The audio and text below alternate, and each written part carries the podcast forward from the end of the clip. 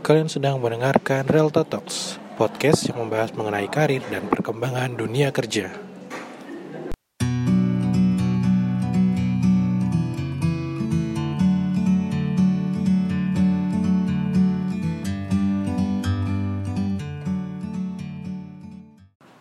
Tema podcast kali ini adalah tentang bisnis hospitality di era digital. Dan untuk kesempatan episode kali ini, saya akan ditemani General Manager dari Hotel Patra Jasa Jakarta yang sekarang berubah jadi gimana Pak? Patra Hotel? Patra Comfort Jakarta. Hotel Patra Comfort Jakarta, Bapak Yul Budi Haryanto. Selamat siang Pak. Selamat siang. Iya. uh, to be honest, sebenarnya saya nih mantan anak buahnya Pak Yuli di hotel ini beberapa tahun. Beliau juga cukup dikenal lah di kalangan uh, perpatrajasaan di Indonesia. Oke Pak, uh, kita sharing-sharing aja Pak ya, Iya, sharing knowledge ya. Uh, awalnya gimana sih Pak? Bapak bisa jadi seorang hotelier atau seseorang yang bekerja di hotel ini? Awal karirnya tuh perintis. Awal karir memang kebetulan waktu itu saya mengambil kuliah jurusannya jurusan perhotelan. Oke. Pada saat eh, magang atau training waktu itu terus ditawarin kerja. Oke. Nah, setelah itu kita mulai kerja dari nol karena di hotel itu semuanya diharapkan ketika kita meniti karir dari bawah. Jadi eh, minimal jadi officer. Kebetulan waktu itu saya ditempatkan di F&B, Oke. di steward, habis itu ke housekeeping. Habis dari housekeeping saya ke F&B lagi, terus ke night audit, habis night audit, terus ke F&B, F&B lagi, Itu semua di Hotel Patra atau? ya di Hotel Patra. Iya. Terakhir saya di Semarang, habis itu dari Semarang saya hijrah ke Bali. Bali, oke. Di Bali saya kurang lebih tiga tahun lebih lah ya di Bali Sebagai apa tuh Pak? sebagai FBM. F, uh, FB Manager. ya FBM terus waktu itu masih asisten ya asisten, Asisten. FBM ya. Terus habis itu terus eh, di Semarang kembali ke Semarang sebagai quality assurance. Wah itu posisi apa tuh Pak? Untuk di struktur hotel. Untuk di struktur itu langsung bertanggung jawab ke GM untuk memastikan kualitas daripada pelayanan di sebuah hotel. Oke. Jadi satu di eh, satu departemen baru di mana dibutuhkan waktu itu eh, mulai apa namanya me- apa ya memberikan masukan sifatnya memberikan masukan membantu general manager untuk eh, operasional dari mulai pelayanan sampai kepada properti. Ke properti.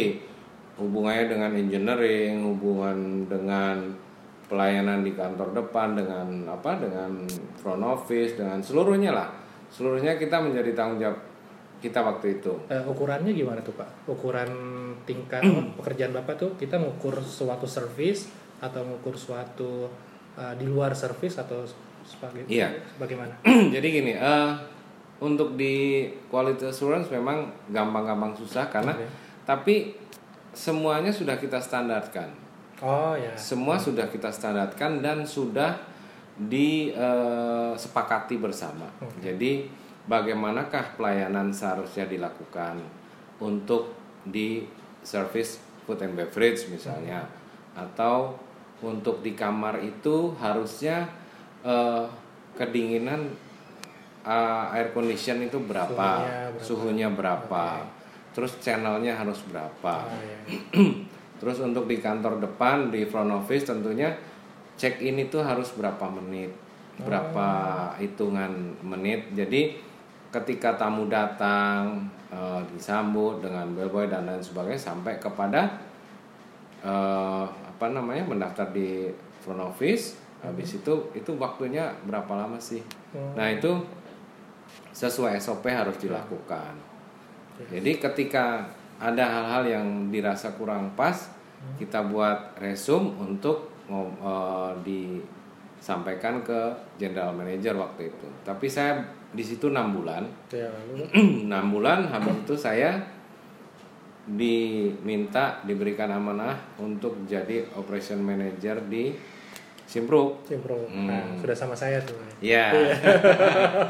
Nah, di Simpruk eh, kurang lebih dua eh, dua tahun ya 2010 ya dua tahun lebih hampir tiga tahun kurang lebih tiga tahun saya di Simpruk habis itu diberikan amanah lagi sebagai F&B manager di Patra Jasa Bandung Patra Comfort Bandung sekarang itu kurang lebih enam bulan Oh, karena di, di saat itu Patra Comfort Bandung baru mau soft opening. Kita disuruh menyiapkan eh, menyiapkan dari sisi food and beverage-nya saya eh, diminta untuk menyiapkan itu sampai eh, running kurang lebih. Jadi total saya di di mana di Bandung itu kurang lebih enam bulan lah. 6 bulan habis itu diminta diberikan amanah lagi sebagai general manager di Patra Comfort Palembang. Oh. Oke. Ya. Berapa lama di situ? di Palembang saya dua tahun dua tahunan. Habis itu saya sebag diberikan amanah lagi eh, sebagai eksekutif asisten manajer di Patra Semarang. Semarang. Oh, belum ke Jakarta tuh, Pak. Masih Semarang. Belum, ya? masih Semarang. Oke.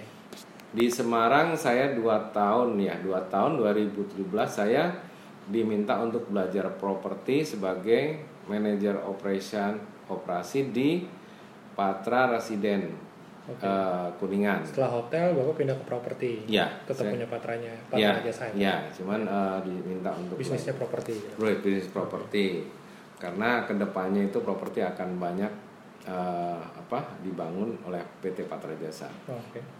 Habis itu tahun 2018 bulan Mei kemarin itu diminta lagi di divisi hospitality Hmm. sebagai general manager di Patra Comfort Jakarta. Sampai sekarang. Sampai sekarang. Oke. Gitu. Eh, sebelum saya nanyain masalah oh, kenapa tertarik dunia perhotelan, saya eh, mau na- mau jump in dulu ke suka dukanya bekerja di hotel itu apa sih, Pak? Bekerja di hotel itu apa? Yang paling Bapak suka? Kalau suka itu karena kita ya tergantung ya, tergantung orang juga. Ketika di hotel tuh intinya eh, kita mudah bergaul dan senang bergaul dengan seluruh lapisan gitu loh. Oke. Terus eh, dinamis. Oh iya, betul. Dinamil- Ya, saya dinamis. Saya. Jadi eh, di hotel tuh dinamis, eh, suka bergaul. Saya pikir ketika kita punya talent di sana, ketika ketika hati kita punya bakat di sana, Hmm. itu semuanya pasti enjoy aja Iya. gitu loh. Dan yang pasti eh, karena bekalnya juga cukup menurut saya ya, saya jalani sampai sekarang dengan enjoy. Dan saya tidak pernah pindah ke lain hati. Iya, the one and only Pak. ya. Iya, one and only. Pak, Pak Yul Budi ini terkenal dengan dua dua and only-nya di Patra Jasa soalnya. Dia merintis karirnya di sini sampai sekarang pun di posisi top level manajemen hotel pun masih di sini gitu. Iya. Good. Terus dukanya Pak? Ada Pak? Mungkin Kalau pindah-pindah dukanya- kerja. Ya, kalau dukanya jelas karena memang ketika kita sudah pada saat itu kita tanda tangan untuk kontrak dan mau ditempatkan di mana saja, ya kita harus siap sebagai prajurit mau di mana aja kita ditempatkan. Kebetulan juga karena memang harus jauh dari keluarga. Kalau misalnya eh, karena apa kita ngambil posisi kadang kita sendiri ya, karena untuk pergeseran rotasi itu tidak bisa dipastikan Ya, kapan betul, akan berlangsung gitu. Jadi makanya lebih lebih enak ketika kita sendiri eh, untuk muternya gitu. Oke, itu dukanya Pak ya. Ya dupanya seperti itu. Cuman ah, intinya sih banyak sukanya lah. Ah, gitu. iya, pasti dong. Terus eh, balik lagi Pak ke perjalanan karir Bapak. Hmm. Eh, pasti memilih waktu kuliah pun memilih eh, dunia perhotelan ini pasti ada triggernya gitu. Hmm, Apa yang buat Bapak tertarik gitu untuk seenggaknya memulai kuliah dulu gitu di Hmm, perhotelan ini kenapa tuh Pak? Jadi waktu itu eh, kebetulan ada saudara bergerak di bidang perhotelan. Oke.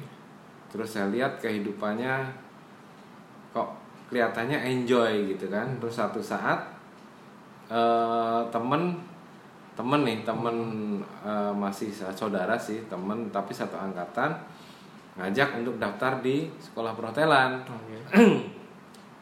saya eh, istilahnya mencoba untuk untuk eh, ke sana dan kebetulan juga kita sudah mulai ketika sudah mulai kuliah itu sudah mulai ngeblend dengan dengan apa yang diberikan di mata kuliah tersebut artinya eh, pelajaran-pelajaran teori-teorinya banyaklah yang bisa kita ikutin gitu kan Oke. ya sampai alhamdulillah sampai selesai pun tidak pernah ada masalah dan hasilnya di di sekolah juga bagus Oh, Oke. Jadi lingkungan apa ya? lingkungan nah kebetulan juga cuman waktu itu yang yang teman saya langsung dia karena dia waktu itu ngajarnya kerja di kapal pesiar Oh iya. sedangkan saya Goalsnya memang seperti itu sih. iya jadi jadi kalau dia orientasinya ke kapal saya orientasinya di darat aja Wah, iya. gitu Oke oke. Eh, lebih sekarang lebih naik berapa step lagi pak pertanyaannya Eh, ini secara general di ho- di bisnis eh, hospitality industry Eh, menurut bapak pendapat bapak mengenai perkembangan bisnis di hotel di Indonesia atau dunia gitu sekarang berjalannya seperti apa tuh? perkembangan hotel itu menurut saya pertumbuhannya sangat signifikan. Ya, karena sekarang ya orang-orang semakin semakin maju ya. Ya. kepengen se- se- semuanya praktis. Hmm. kepengen semuanya cepat. Dan bisnisnya itu banyak bisnis yang berjalan. Artinya eh, tidak hanya orang butuh untuk tidur di hotel di weekend tidur di hotel ini. Bahkan semua mau meeting mau nginep mau kegiatan dan lain sebagainya hotel tuh sudah bisa menyiapkan. Iya. jadi Oh, mereka lebih iya. praktis lebih apa efisien menurut mereka efektif juga untuk apa namanya ketika kita misalnya mau ada meeting. Meeting semua yang ngurusin hotel. Oh, nah perkembangan hotel ini semakin maju.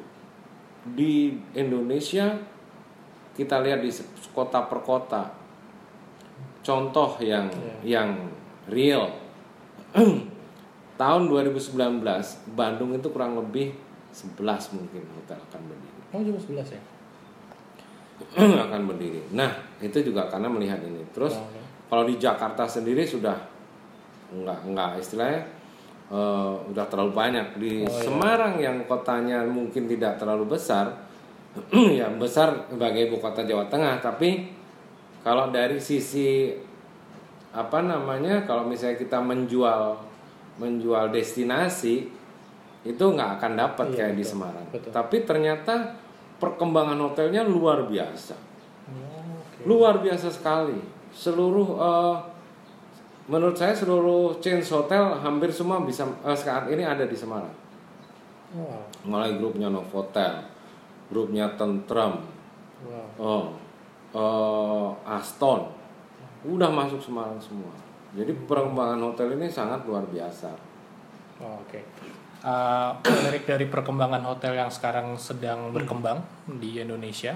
uh, Sebenarnya apa sih Pak perbandingan yang terjadi di bisnis hotel yang dulu sama yang sekarang tuh sebenarnya perbandingannya seperti apa? Jadi begini dulu hotel itu intinya adalah ketika kita mau ke hotel sesuatu yang luar biasa Betul. sesuatu iya kan Iya.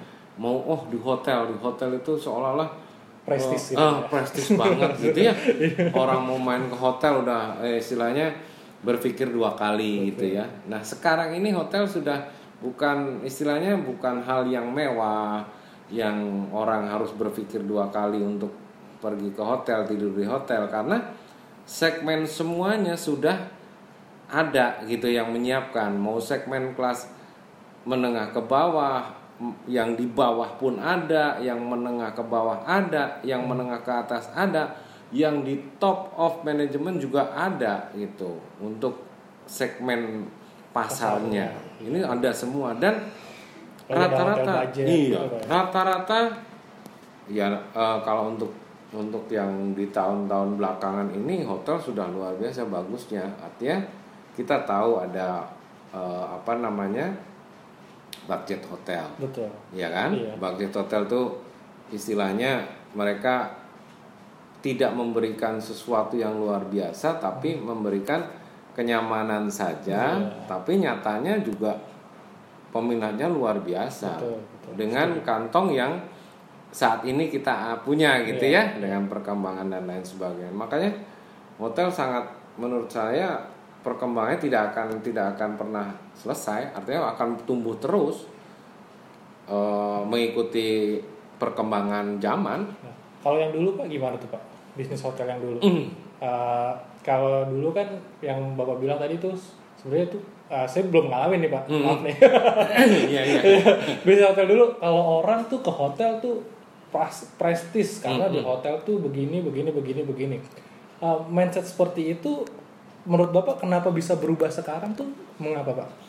Kenapa gitu? Apakah ada pengaruh perkembangan atau pengaruh dari eh, perkembangan dunia digital yang sekarang mulai betul masuk gitu? Ya, jadi salah satunya yang paling yang paling eh, apa namanya vital, artinya yang paling supporting untuk perkembangan itu dunia digitalnya memang. Sekarang ketika kita mau lihat hotel, nggak perlu kita jauh, nggak perlu kita telepon, kita bisa melihat Ya, semuanya exactly. by digital.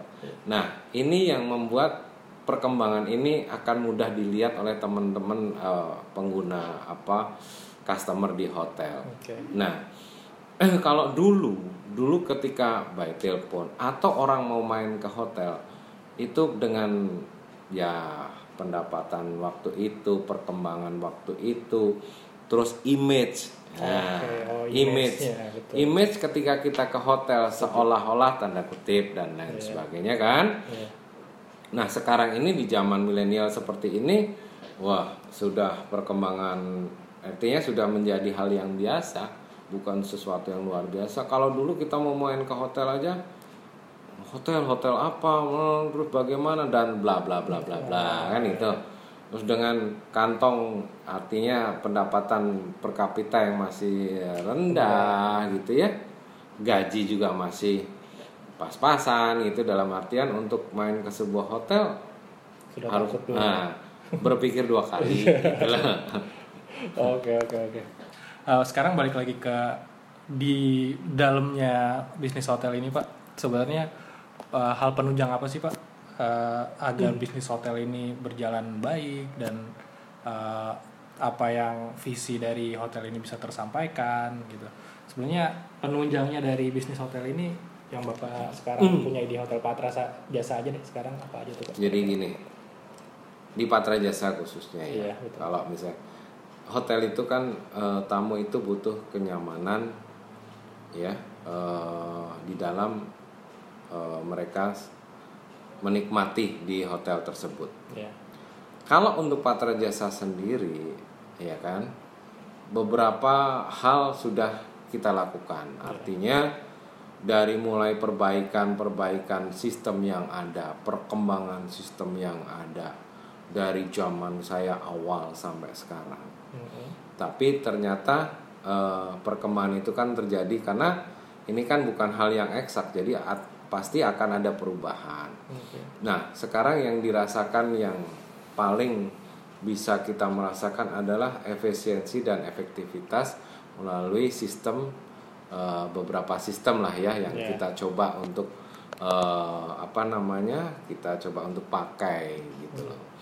Salah satunya ya pelaporan keuangan, pelaporan apa namanya eh, tingkat hunian dan lain sebagainya yang sangat menunjang ketika kita menganalisa eh, sebuah eh, baik itu baik itu untuk keuangan, baik itu untuk tingkat hunian, baik itu untuk kepuasan pelanggan dan lain sebagainya itu kita by system. Oke. Nah, itu akan ternyata sangat bermanfaat untuk kita mengambil satu analisa dan mengambil tindakan ke depan harus bagaimana.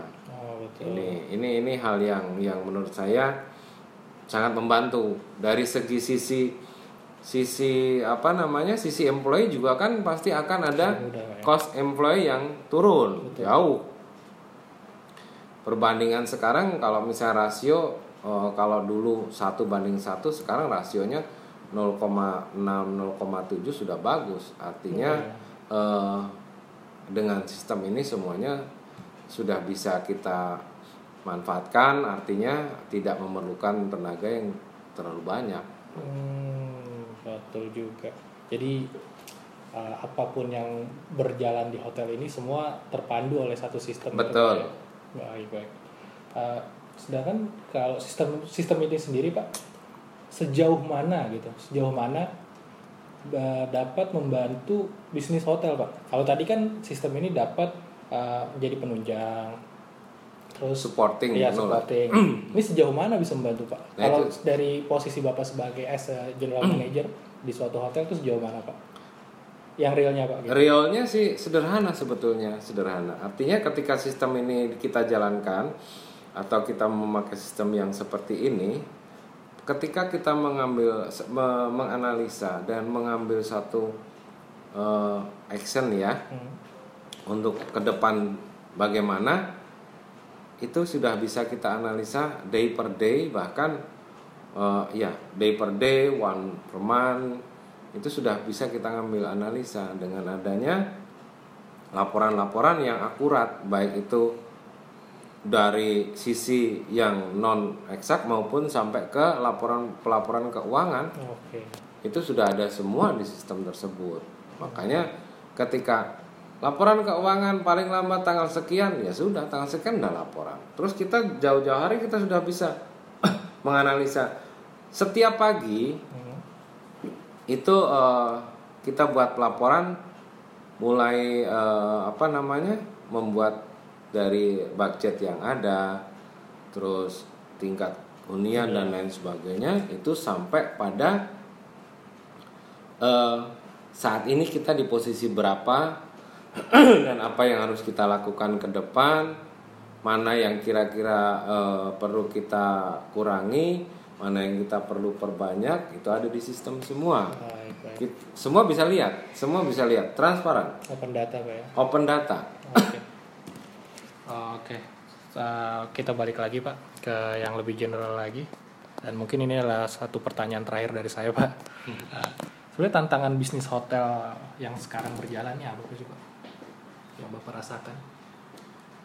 kalau tantangan hotel sih eh, yang sedang berjalan adalah mengikuti perkembangan ya mengikuti perkembangan eh, baik secara properti produk produksi ya produk produk dari hotel itu sendiri maupun seluruh fasilitas yang ada.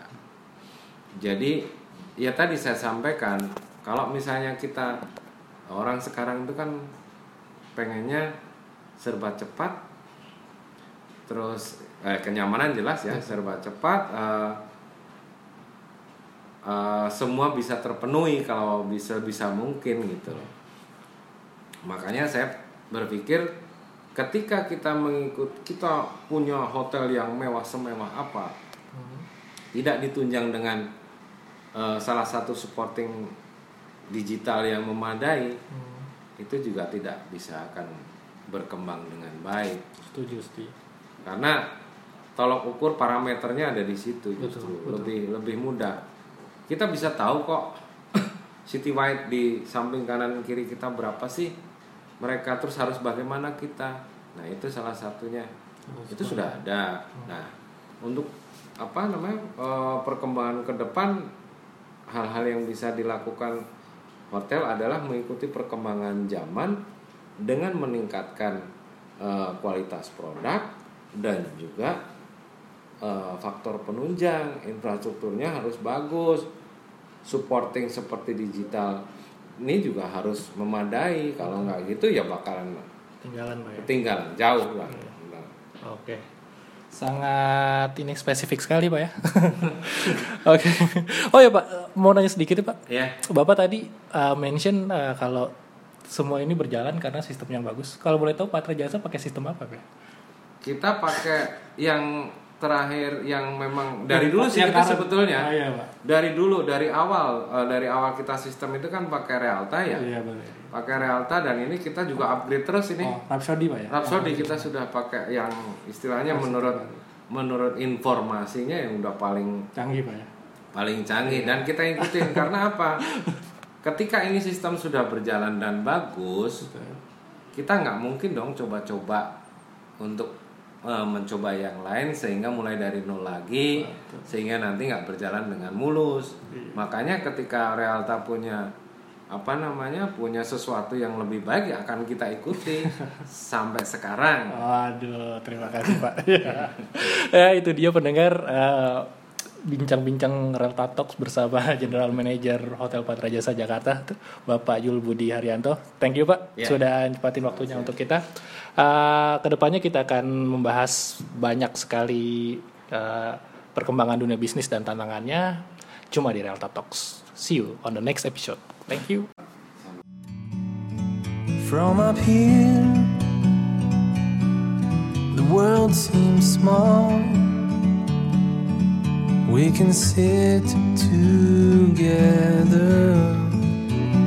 It's so beautiful, you and me. We meant to be in the great outdoors, forever free.